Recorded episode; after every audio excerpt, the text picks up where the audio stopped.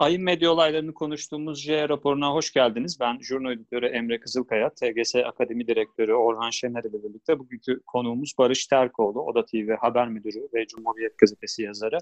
Barış Terkoğlu 4 aylık haksız bir tutukluluğun ardından Ferhat Çelik ve Aydın Keser'le birlikte geçen hafta tahliye edilmişti. Libya'da şehit olan MİT mensubunun haberleriyle ilgili olarak aynı davada yine Oda TV'den gelen yönetmeni Barış Pehlivan da dahil toplam 3 gazeteci daha şu anda tutuklu olarak yargılanmaya devam ediyor.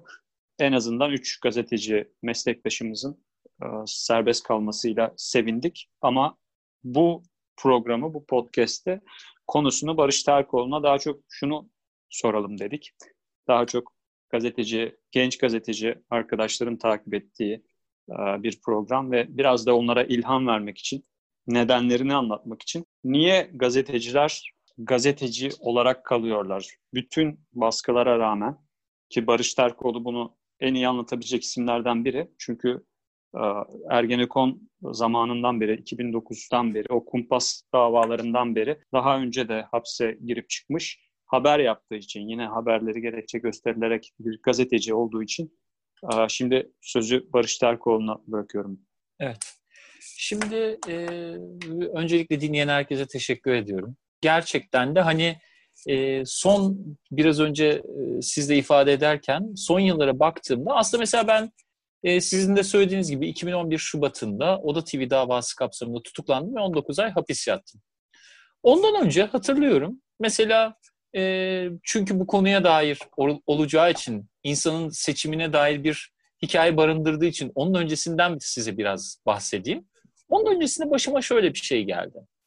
Ergenekon davası Türkiye'nin en önemli davasıydı o dönemde ve bu davanın iddianamesi çıktıktan sonra dava başlamadan önce e, davayı görev yapan, davayı hazırlayan polis müdürleri Beşiktaş'taki İstanbul Cumhuriyet Başsavcılığından görev yapan savcı ve hakimleri yani bu davaya bakan savcı ve hakimleri almışlardı bir Ramazan ayında e, tekneyle Boğaz'da gezdirdikten sonra Kandilli'de bir koruya götürmüşlerdi ve orada iftar yapmışlardı. Ve o iftar sırasında da hakimlerin en yakınında davayı hazırlayan polis müdürlerinin oturup onlarla konuşuyor olması, böyle bir kurgunun olmasına dikkat çekiyordu. Şimdi o toplantı sırasında, o iftar yemeği sırasında e, hakim ve savcılar, yani ben şimdi size haber kaynaklarımı da anlatmak için söylüyorum. Yıllar geçtiği için rahat rahat konuşabiliyorum.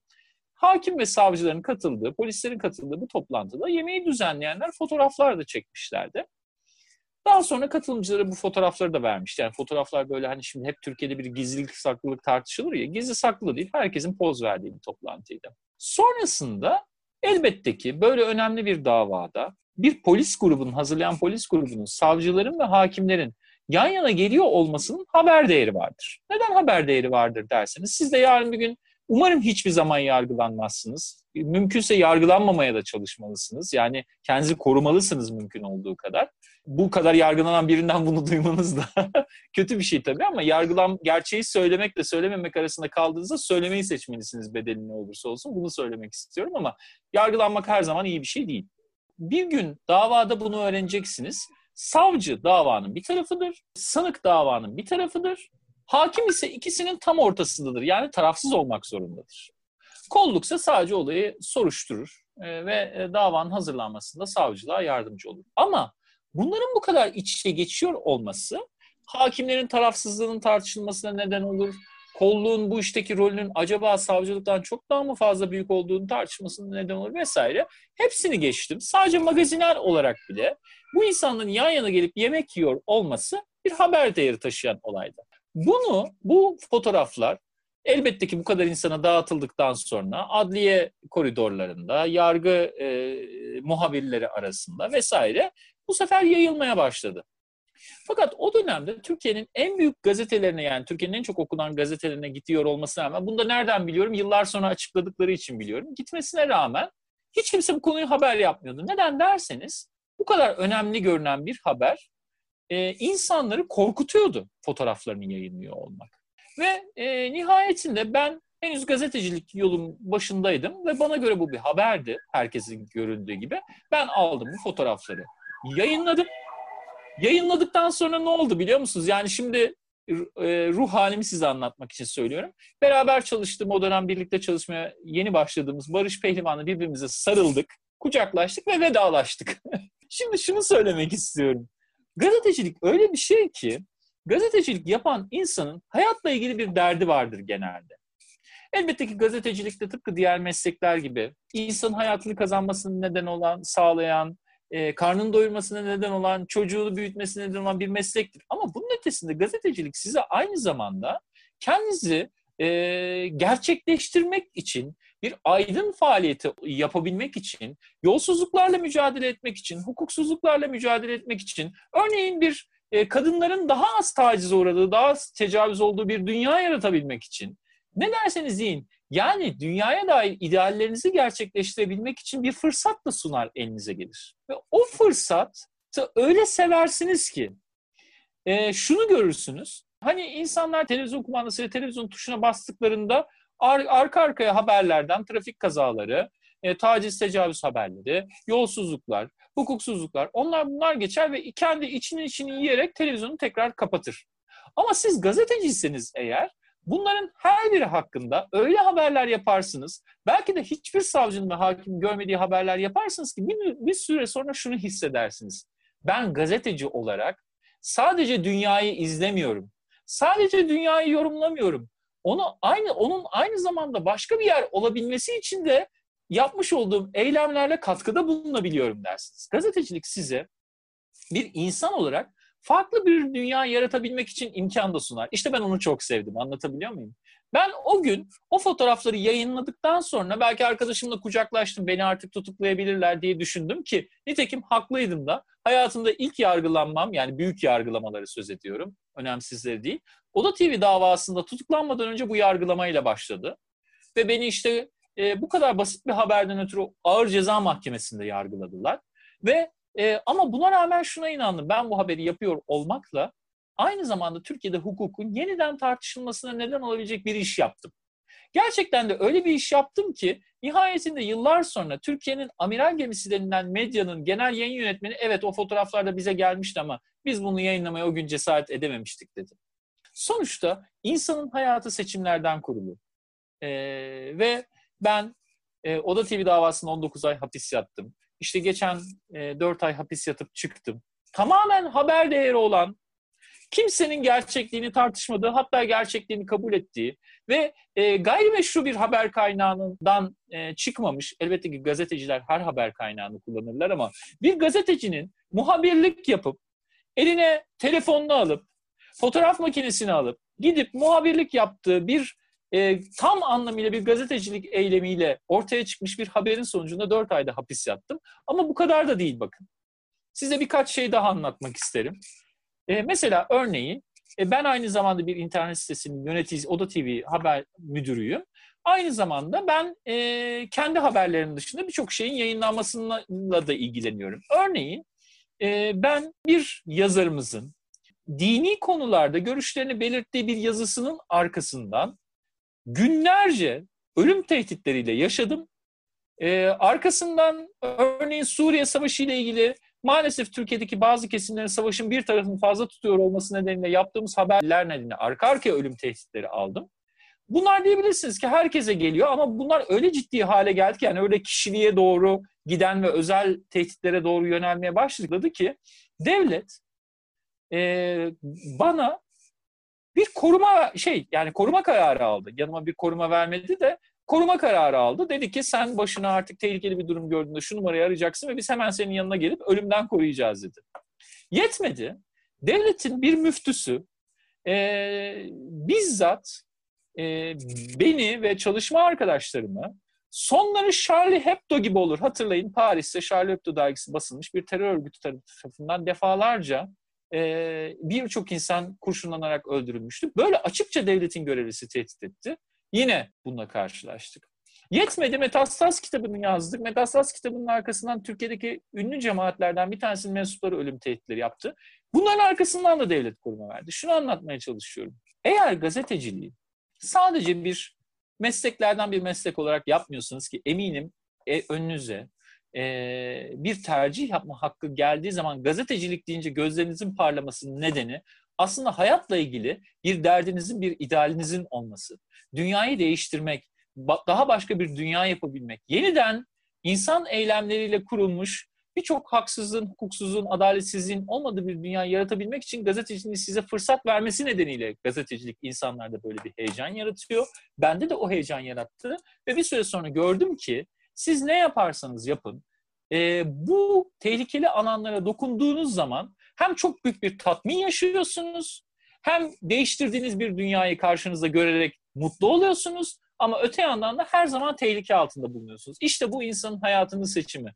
O tehlikelere rağmen bunu yapmaya devam edecek misiniz? E, nihayetinde ben de bir seçim yaptım. Ve bu seçim e, tehlikelere rağmen, ölüm tehditlerine rağmen, hapishaneye rağmen dünyayı değiştirmeye dayalı bu iş devam edecek mi benim için?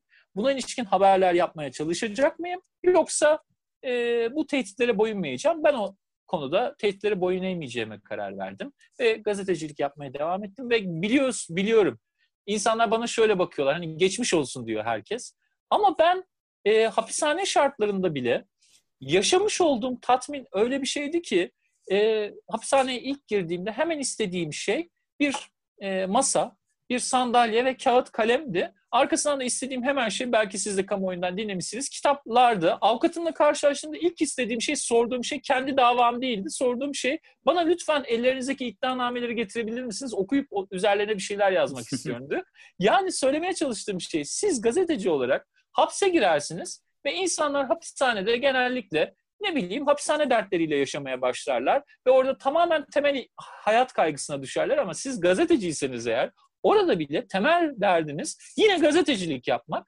Yaptıkça da kendinizi daha iyi hissetmek, dünyayı daha çok değiştirebildiğinizi görmek, fikirlerinizi yine de ulaştırabildiğinizi bilmek oluyor. Tekrar söylüyorum, bunun bir kişisel tatmin yanı var.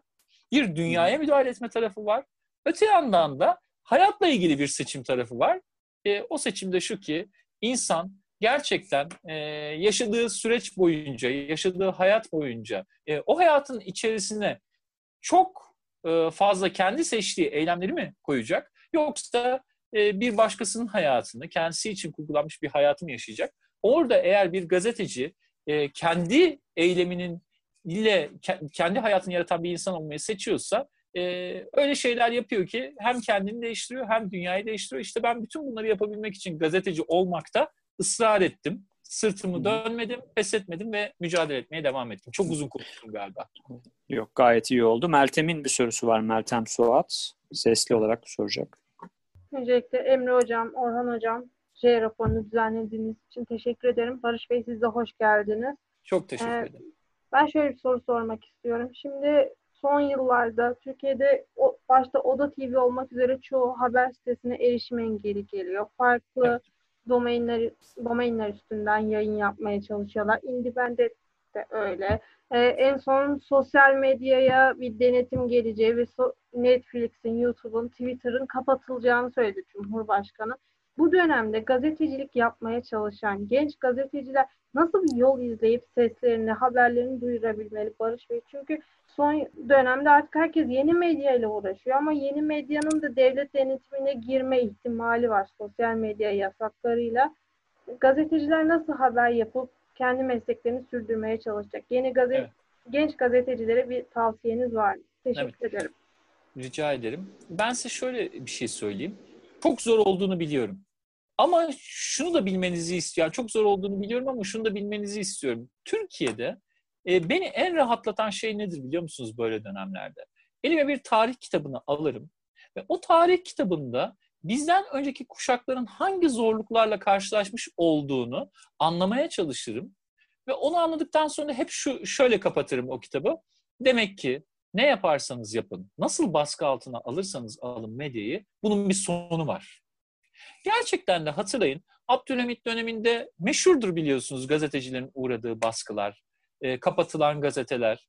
E, Menderes döneminde meşhurdur beyaz sayfalarıyla çıkan günlerce gazeteler. Darbe dönemlerini hatırlayın, 12 Eylül'ü diğerlerini hatırlayın. Hep bunları yap- yapıyorlar ve bugün de yapıyorlar ve bugün de gazetecilik yapmanın hiç kolay olmadığını biliyorum. Ama ben şundan eminim ki arkadaşlar, siz de emin olun, bu dönem geçip gidecek. Bu dönem geçip gidecek. Ya iktidar, bugün Türkiye'nin başında olan iktidar, bu yolun yolu olmadığını veya bu yolla artık ilerleyemediğini veyahut da artık bu yol bunu beceremediğini görecek ve gazetecileri baskı altına almaktan vazgeçecek.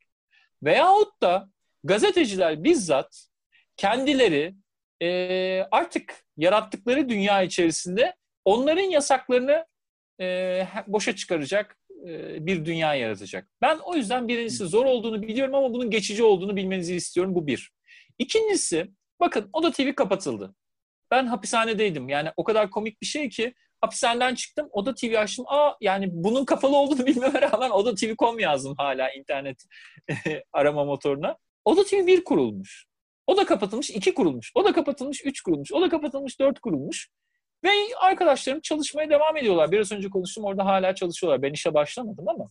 Bakıyorsunuz Sendik.org'un başına geldi, Independent'ın başına geldi. Çeşitli gazeteler baskı altında. Dün Halk TV, Rütük, e, Halk TV ve Tele1'e cezalar. Ama bütün baskılara rağmen gazeteciler kendilerine yeni ifade yolları bulmak, genel anlamda da söylüyorum. Bakın e, televizyonlar gittikçe azalmaya başladı.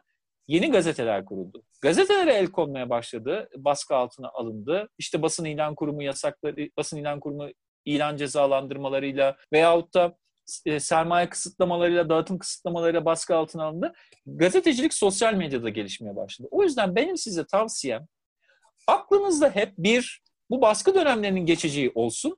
İki, bu baskı dönemlerinin karşısında sürekli alternatif gazetecilik yollarının nasıl yapılabileceğine dair alternatif üretmek olsun. Benim size tavsiyem bu.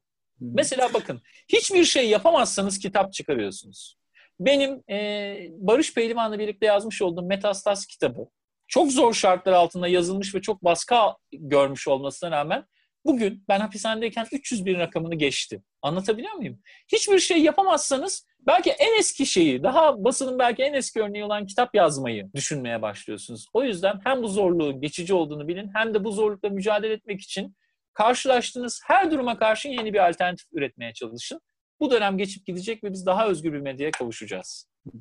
İki tane soru var. Berrin Çelik'ten gelmiş birincisi. Gazetecilik öğrencilerine önerileriniz nelerdir diyor. Kendisine göre bir gazetecilik öğrencisi nasıl bir yol izlemeli diyor. Bir de Oğuz Bakır'ın da yakın bir sorusu var. Diyor ki ee, daha da başına gelirsek yanlış hatırlamıyorsam mühendislik eğitimi alırken kendisi gazeteciliğe başlamaya nasıl karar verdi diyor. Evet. Şimdi birincisi gazetecilik e, eğitimi alan arkadaşlara tavsiyem şu. E, yani ben Oğuz'un sorusundaki bir kelimeyi alıyorum. Ben aslında bir mühendisim. Ama şunu gördüm ki bir insanın e, gerçekten tarih, felsefe, edebiyat, siyaset, hukuk, bütün bunlarla ilgileniyor olması gazetecilik yaparken hayatını o kadar çok kolaylaştırıyor ki öte yandan gazetecilik okusanız bile hukuktan bir haberseniz, e, tarihle ilgilenmiyorsanız, edebiyat e, çünkü gazetecilik aynı zamanda kelimeleri güzel kullanabilme sanatı.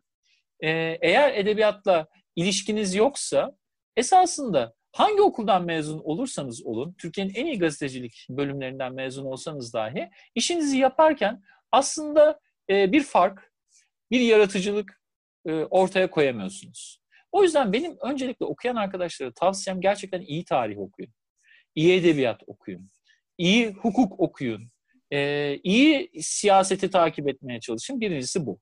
İkinci söyleyeceğim şey ise, e, ikinci tavsiyem, ee, arkadaşlar ne yapmak istiyorsanız yani ileride ne tür bir alanda çalışmak istiyorsanız size tavsiyem o alana doğru biriktirmeye bakın. Ben mesela çoğunlukla e, dikkat ederseniz e, hukuk meseleleriyle yani önemli davalarla ilgileniyorum. Bu davalara ilgilenirken gördüm ki Türkiye'nin bıraktım öğrencileri çok büyük gazetecileri dahi bakın beraat etmekle tahliye olmak. Bana hala mesela çıktım 10 gün oldu. Bana e, beraatinizi nasıl değerlendiriyorsunuz diye soru soran gazeteci var. Beraat etmedim oysa yargılamam devam ediyor. Tutukluyla hükümlünün, gözaltıyla tutuklamanın, bütün bu kavramları birbirine karıştıran gazeteciler var. O yüzden gerçekten aynı zamanda bütün bu alanlarla ilgilenirken sizin ne üzerine çalışmak istediğiniz, e, ne tür bir alanda e, özellikle uzmanlaşmak istediğinizi bence iyi düşünün. O konuda iyi şeyler biriktirmeye çalışın ve bir gün yani gerekirse 10 sene sonra mezun olduğunuzdan bir konu sorulduğunda size hemen aklınıza siz gelmiş olun. Oğuz da hatırlar. Mesela ben Oda TV'de e, gelen e, stajyer arkadaşlarımıza mümkün olduğu kadar belli, kendi alanlarında yönlendirmeye çalışıyordum. Bugün mesela bir tane arkadaşım bir bakıyorsunuz Rumca biliyor. E, azınlıklarla ilgileniyor. Mesela Türkiye'nin belki de çok az sayıdaki azınlık muhabirlerinden bir tanesi olacak. O vakıfları takip ediyor, seçimlerini takip ediyor gibi. Yani belirli alanlarda uzmanlaşmanızı da öneriyorum. Bilmem anlatabildim mi? Oğuz'un söylediği şeyde ben mühendislik yaparken e, hep şunu düşünüyordum. Ben bu mühendislik işini yapmak istemiyorum ve kendime sosyal ortamda ifade edecek başka bir iş bulmalıyım diye düşünüyordum. Ve e, gazeteciliği de tamamen bazı güzel tesadüfler sonucunda siyasi tarih üzerine yüksek lisans yapmaya başladım. O sırada fark ettim kişiliğime de uygun olduğunu gördüğüm için de yapmaya devam ettim. Mühendislik makine miydi? Makine mühendisliği. Makine. Hı hı. İstanbul Ee, Teknik Burak- Üniversitesi. Burhan Başaran'ın da şöyle bir sorusu var. Gazeteciliğin yaşadığı evrim, araştırmacı veya toplumcu gazeteciliği ne derecede etkileyecek? Teknolojinin gelişiyor olması bu alanı zorlaştıracak mı? Yeni medya ile birlikte araştırmacı gazetecilik ürünlerine rağbet azalacak mı diyor. Bence azalmayacak. Biliyorum şöyle ki e, insanlar artık örneğin 180 karaktere sığdırılmış e, bir cümleden ibaret bir bilgiyle yetinmeye fazlasıyla müsaitler. Bunun farkındayım. Ama bu araştırmacı gazeteciliği hem azaltmayacak hem de değerini düşürmeyecek. Neden derseniz birincisi gerçekten de Türkiye'nin hangi meselesini işte bir haber spotu ok- okur gibi okuyup e, geçseniz de esasında bu haberi okumanın ötesine geçip örneğin e, Türkiye'deki bir imar yolsuzluğunu araştırmaya karar verdiğinizde bu meselenin elinizin altında teknolojik olarak en gelişmiş e, bilgisayar, en gelişmiş işte dijital organlar olsa dahi aslında e, bir temel gazetecilik felsefesi ilkesiyle yapıldığını ve bunun değerinin hiç düşmeyeceğini görmeye başlıyorsunuz. Birincisi bu. Bu hiç değişmeyecek. İkincisi bakın. Örneğin e, yakın zamanda e, okuduğum ve okumaktan keyif aldığım e, bir hikayeyle karşılaşmıştım. Mesela bir BBC çalışması Suriye'de yaşanan bir bir görüntü olayını teyit edebilmek için öyle şeyler kullanmışlardı ki, öyle teknolojik şeyler kullanmışlardı ki uydu görüntülerinden biliyorsunuz sonuçta düşünün bir gazeteci için 1950'lerde e, Cüneyt Arca hikayesini okuyorum. Haberini ulaştırabilmek için bir telefon bulmak dahi çok zorken şimdi bir gazeteci araştırmacı gazetecilik yaparken mesela hemen bir dakika içerisinde merak ettiği yerin uydu görüntülerine ulaşabiliyor. Bakın benim yar benim yargılandığım davada biliyorsunuz bir MIT mensubunun şehit olmasının haberinden ötürü yargılanıyordum. Ama açıp BBC'ye baktığımda ne gördüm biliyor musunuz? Onlar hani biz şu anda yargılanıyoruz ya şehit olan MIT mensubunun cenaze haberini yaptığımız için. Mesela BBC o şehit olan personelin vurulmuş olduğu geminin uydu görüntülerini elbette ki bunu gizli saklı bir casusluk yaparak değil artık herkesin ulaşabileceği imkanlarla onun uydu görüntülerine ulaşabilmişti. O yüzden eğer araştırmacı gazetecilik yaparsanız hem hiçbir zaman değeri geçmeyecek, hem e, dünyanın dertleri olduğu sürece kıymetli olan bir şey yapmış olursunuz, hem de esasında bu teknolojik gelişmeler araştırmacı gazeteciliğin işini son derece kolaylaştırıyor. Bir iddianameye bile ulaşmak artık öyle bir şey ki eskiden gidip mahkeme dosyalarında tozların içerisinde ararken şimdi artık bir tuşla bir e, avukattan bir iddianameyi edinebiliyorsunuz. O yüzden bence zorlaştırmadı, aksine kolaylaştırdı. Sara Subaşı'nın sorusu Z kuşağı gazeteciliğe daha farklı bir bakış açısı getirebilir mi? E, getirebilir. E, şöyle ki nihayetinde ben Z kuşağı deyince her kuşağa bir isim veriliyor. Dün de bunu e, bulunduğum yerde tartıştık. Esasında gerçekten teknolojinin imkanlarını iyi kullanan, bu açıdan dili de kendisi geçmiş kuşaklardan farklılaşmış bir kuşağı anlıyorum. Bu kuşak bana sorarsanız geçmişteki gazeteciliğin biraz köhnemişliğini de üzerinden atarak ama aynı zamanda gazetecilik felsefesini yeni döneme doğru taşıyarak bence yeni bir yorum getirebilir tabii ki. Ee, Sizin son olarak şöyle toparlayalım. O, aslında 2011'de e, Oda TV'de yine hep yargılanmanıza neden olan şeyler hep haberler oldu. Yani haber dışında herhangi bir şey hiçbir iddianamede görmedik. Hani bazı gazetecilerin yargılanmasında, neredeyse bütün gazetecilerin yargılanmasında iddianameler bomboş oluyor. Ee, Ama hiçbir şey olmayan gazeteciler olabiliyor mesela. Öyle bir şekilde uydurulup giriyorlar ama sizde hep somut bir takım haberler Evet. üzerinden gitti. 2011'de Oda TV'de yayınlanan Zir Vadisi videoları vardı. Gençler evet. belki o döneme yetişmeyenler hatırlamayabilirler. Küçük olanlar o dönemde belki.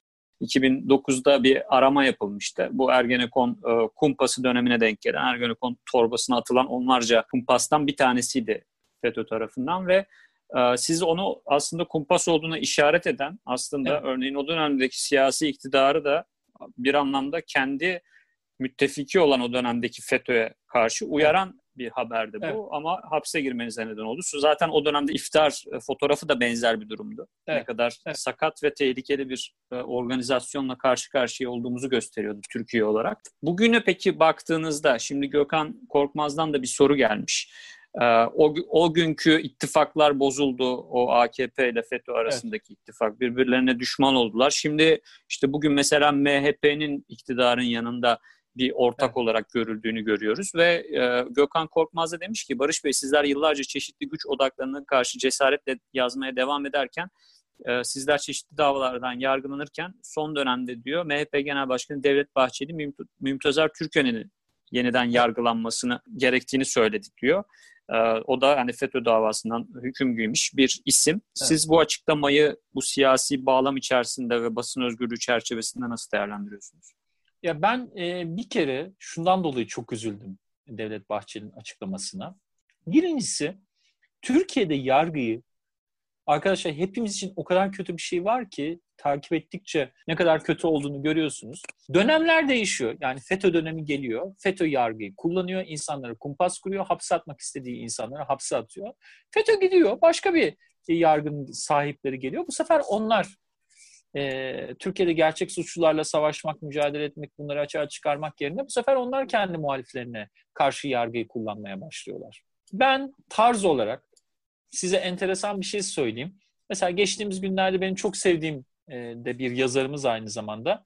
E, size nasıl sansürcülük yaptığımı anlatacağım şu anda. Onunla telefonda da konuştum. Kitabı çıktı. Kitabına yaptığı yazıları toplamış. İlk yazısı bana gönderdikten sonra benim kendisini arayıp yayınlamamaya ikna ettiğim bir yazı. Onun için açıp güldüm kendisine. Yıllar sonra hatırlattım. Hatırladınız mı o yazınızı ben size telefon açıp.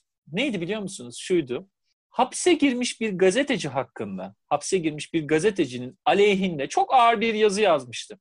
Ve ben de demiştim ki benim sizin yazınızı sansürleme hakkım yok.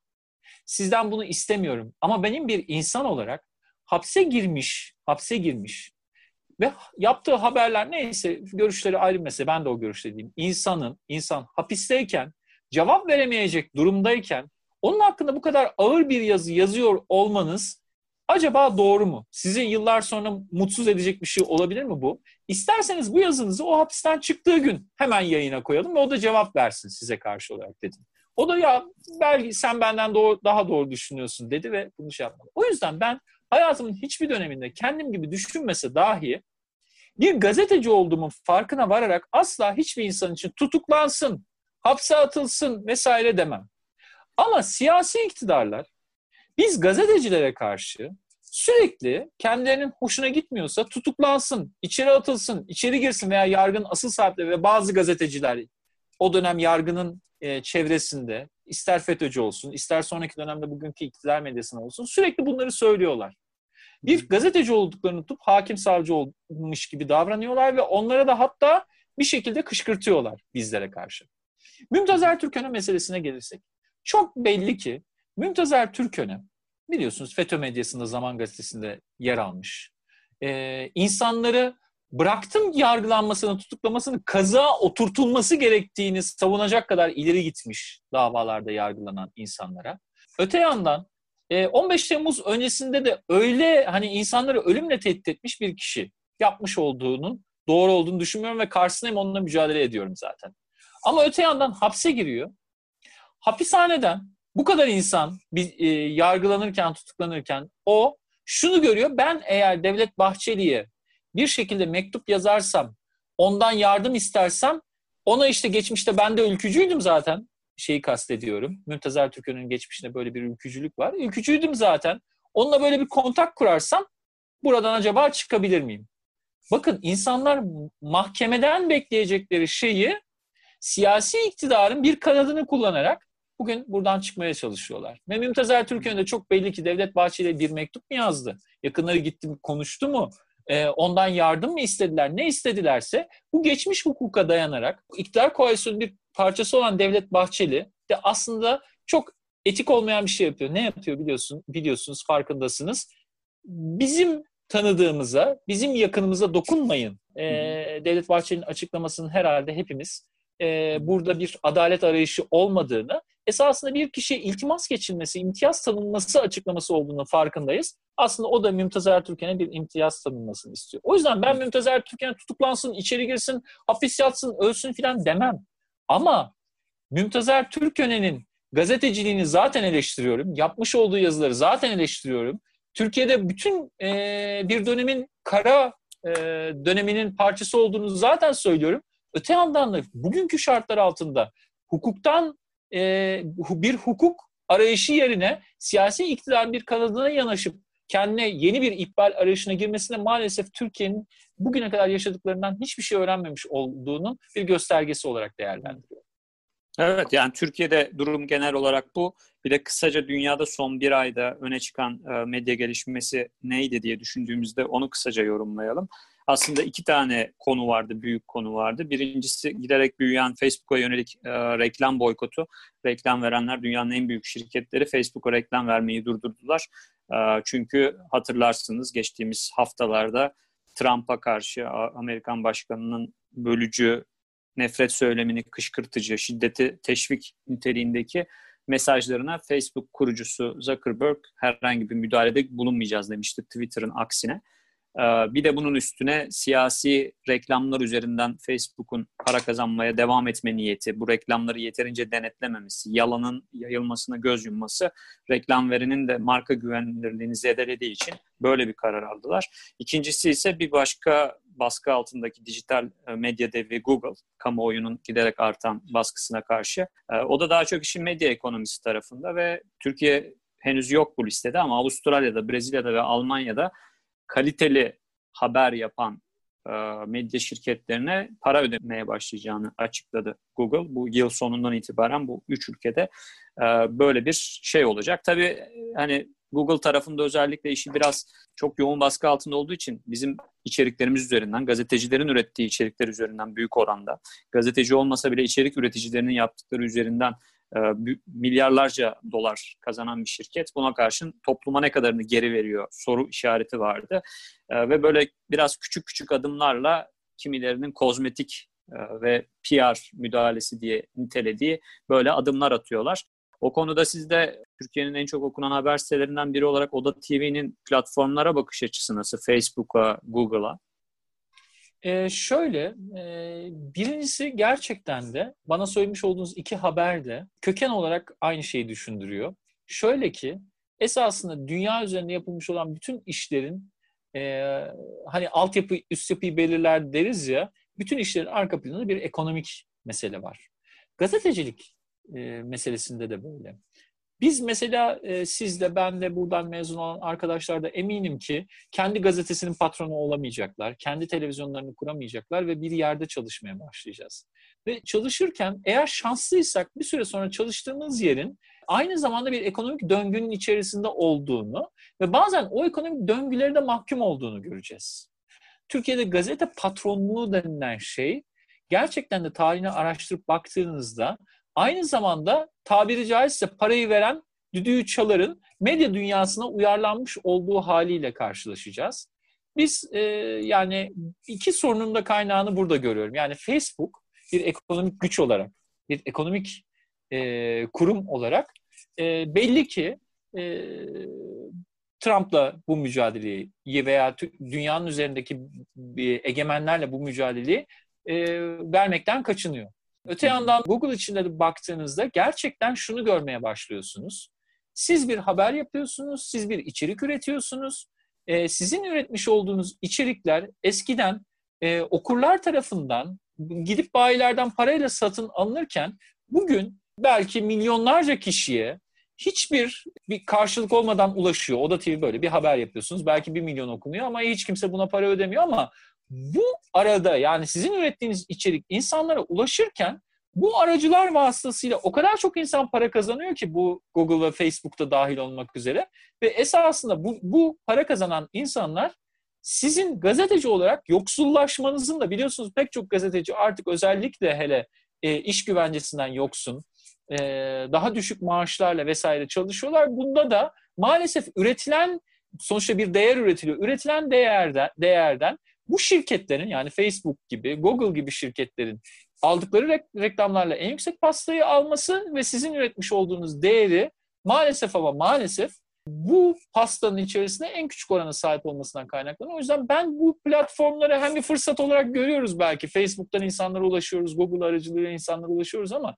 aynı zamanda bunların e, bizim üretmiş olduğumuz değerin çok büyük bir bölümünü kendi hesaplarına geçirmiş olduğu gerçeğini de işte bu haberler vasıtasıyla da bir kez daha yüzleşmiş oluyoruz. Hı hı. Orhan sen ne söylemek Burada istersin? teşekkür ediyorum. Bu arada Barış Bey'e çok teşekkür ederim. Şu ana kadar gerçekten çok verimliydi. Şu eklemeyi yapıp sonra daha önce söylediklerine dair bir şeyler de söylemek istiyorum. Bu meselede e, platformlarla ilgili olarak şunu hatırlatmak isterim. Birincisi burada aslında 95-96 senesinde hem dünyada hem Türkiye'de medyanın kendisi aslında ayağına sıktı. O dönemler bir de böyle bir şey olsun diyerek açılan web sitelerine haberin ücretsiz olarak konması o zamanlarda reklam geliriyle biz bunu telafi ederiz, çıkarırız gibi bir öngörüsüzlükle aslında bir kuşağı belki de iki kuşağı yani iki 10 yıllık kuşağı benim de arasında bulunduğum haberin zaten para verilmeden internetten tüketilen bir şey olduğu algısını yerleştirdi. Bugün de birçok insana e, internetten zaten kağıt masrafı yok, kamyon masrafı yok. Neden para verelim ki diyorlar. Yani haberciliğin nasıl bir şey olduğunu, eğitimli birçok insanın çok daha fazla para kazanabilecekken e, Barış Bey'in durumunda olduğu gibi çok büyük riskleri göze alarak yaptıkları bir iş olduğu. İkincisi de şimdi biz Türkiye tabii e, merkez medya çöktüğü için tam anlayamıyoruz ama insanlar bir Associated Press, Reuters, BBC bürosuna giderse yani BBC dediğimiz yer uzay üssü gibi binlerce insan çalışıyor. Somali masasında 30 kişi var. Yani haber insanla üretilen pahalı bir iş. O arkadaki gerçek maliyeti görmeden sadece hani kağıt ve kamyon masrafına indirmek büyük bir yanılgı. Burada da bu yanılgının sebebi aslında medyanın 90'ların ortasında yapmış olduğu bu hata. Ki o yıllarda çok da dalga geçilen Fox'un sahibi Murdoch o zamanlar Google çok büyük para kazanıyor buradan ve biz emeği e, biz yapıyoruz ama parayı bunlar götürdüğünde ya yaşlı adam işte anlamıyor bu da dinozor oldu gibi şeyler söylenmiş. Kendisinin eleştirilebilecek çok şey var ama burada bir doğruluk payı vardı. Bugün de bunun aslında e, maalesef ceremesini çekiyoruz. E, Türkiye biraz radikal bir süreçten geçtiği için radikal bir de bir dönüşüm oldu. Mesela Oda TV diye bir şeyin var olmasının bir sebebi aslında hani dijital dönüşüm yaşayalım diye kurulmuş bir şey değil. Sansür ve baskıdan kaçmak için basılı gazete olamayacağı için belki de internet sitesi olması. Ama bir yandan da aslında Türk medyasının dünyanın geri kalanına göre bir avantaj. Çünkü mesela Balkanlarda, Doğu Avrupa'da özellikle bu dijitalleşme hiç gerçekleşemedi. Televizyon ve e, basılı mecralara çok bağımlılar. Bizi ben daha avantajlı görüyorum açıkçası. T24 herhalde 10. yılını doldurdu. Diken, Duvar, Oda TV, Biyanet var kaç yıllık, Evrensel'in sitesi kaç yıllık vesaire. Şimdi bunları şimdi bir yandan baktığımızda YouTube kanalları ne bileyim Murat Yetkin hani blogunda yazıyor. Böyle ülkedeyiz biz şu anda. Bunların hepsini yan yana koyduğumuzda aslında dijital bir dönüşüm ve buradan sürdürülebilir bir gelir elde edebilen bağımsızlık gazetecilik için aslında önümüzün birçok ülkeye göre daha açık olduğunu düşünüyorum. Barış Bey'in dediği gibi konjonktür değiştiğinde, bazı siyasi sorunlarımızı baskı ortamını açtığımızda belki önümüz diğerlerine göre daha bile açık olabilir diye düşünüyorum. Hı hı. Orada şunu da atlamamak lazım tabii. Markalar tarafından baktığımızda dünya kontekstiyle Türkiye arasında biraz da farklılık var. Dünyada mesela çok e, yani evet haklılar. Bir yandan PR yapıyorlar kendilerini aslında. Hani çok da o kadar umurlarında olduğunu zannetmediğim bir mesele için e, siyahlara yöneltilen bu ırç tavırlarda işte Facebook yeterli şeyi yapmıyor. O yüzden boykot edelim ama bir yandan zamanlamada tabii tırnak içinde manidar çünkü e, internetten reklamla çok da ürün satamadığınız bir dönemde böyle bir şey denemek ve yıllardır da zaten metrikleri yanlış sunduğu iddia edilen Facebook'a da biraz ayağını denk al demek için yapılan bir şey olduğunu da biliyoruz ama Türkiye konteksti farklı. Dünyaya uyacaktır muhtemelen ama Türkiye'de hani bundan çok e, şimdi e, tabii zulmü kıyaslamanın gereği yok ama biz 2000'li yıllar boyunca e, birçok azınlık grubuna dini, etnik vesaire yapılan baskı ortada. İnsanlar öldü, kaldı, gezi dönemini hatırlayın falan. Yani e, o zaman da reklamlar vardı. O zaman da Facebook vesaire bunlarla dair hiçbir şey yapmıyordu. Ama Türkiye tabii periferide kaldığı için herhalde böyle bir tepki koymak, e, boykot etmek kimsenin aklı bile gelmiyordu. Ama hani ABD'de yapılan şey e, tavır olarak doğrudur ama keşke Türkiye ve birçok ülkede yapılan haksızlıklarda da böyle bir ses çıkabilseydi demeden edemedim. Barış Bey'in de bu arada o mühendislik ve sonrasında söylediği hani kendiniz geliştirmek zorundasınız hangi alandan olursanız olun kısmı çok önemli. Tekrar altını çizmek istiyorum. Teşekkürler. Ya son olarak şunu söylemek isterim. Ben bu son Libya davasındaki altı meslektaşımızın tutuklanması üzerine Twitter'dan da paylaşmıştım hemen o gün. Gittim ilk olarak mesela bir taneden metastaz aldım. Murat Ağırel'in sarmalını aldım. En iyi verilebilecek tepki böyle durumlarda gazetecilerin yaptıkları gazeteciliği ödüllendirmek, e, daha fazla insana ulaştırmak. İşte Google'da ücretsiz olarak yayılıyorsa gidin siz bir de bir tane de kitabını alın. Bu şekilde en azından ödeyin. Çünkü bunlar araştırmacı gazetecilik eserleri ve aslında dijital ortamlarda rastlamadığımız kadar derinlikli. E, her ikisinde de hem sarmalda hem de metastazda aslında e, bir network, bir ilişkiler ağını ortaya seren kitaplar bunlar. Ve Kapatırken de tabii Barış Pehlivan'ın Hülya Kılınç'ın Murat Ağırel'in de en kısa zamanda e, umarız Eylül'deki duruşmada özgürlüklerine kavuşurlar. Bütün tutuklu gazeteciler gibi onlar da yeniden aramızda olurlar demek istiyorum. Tekrar çok teşekkür ediyorum Barış Bey. Ben teşekkür ederim. Ben teşekkür ederim. Çok teşekkür ederiz katılımınız için. Çok teşekkür ben teşekkür ederim davet ettiğiniz için.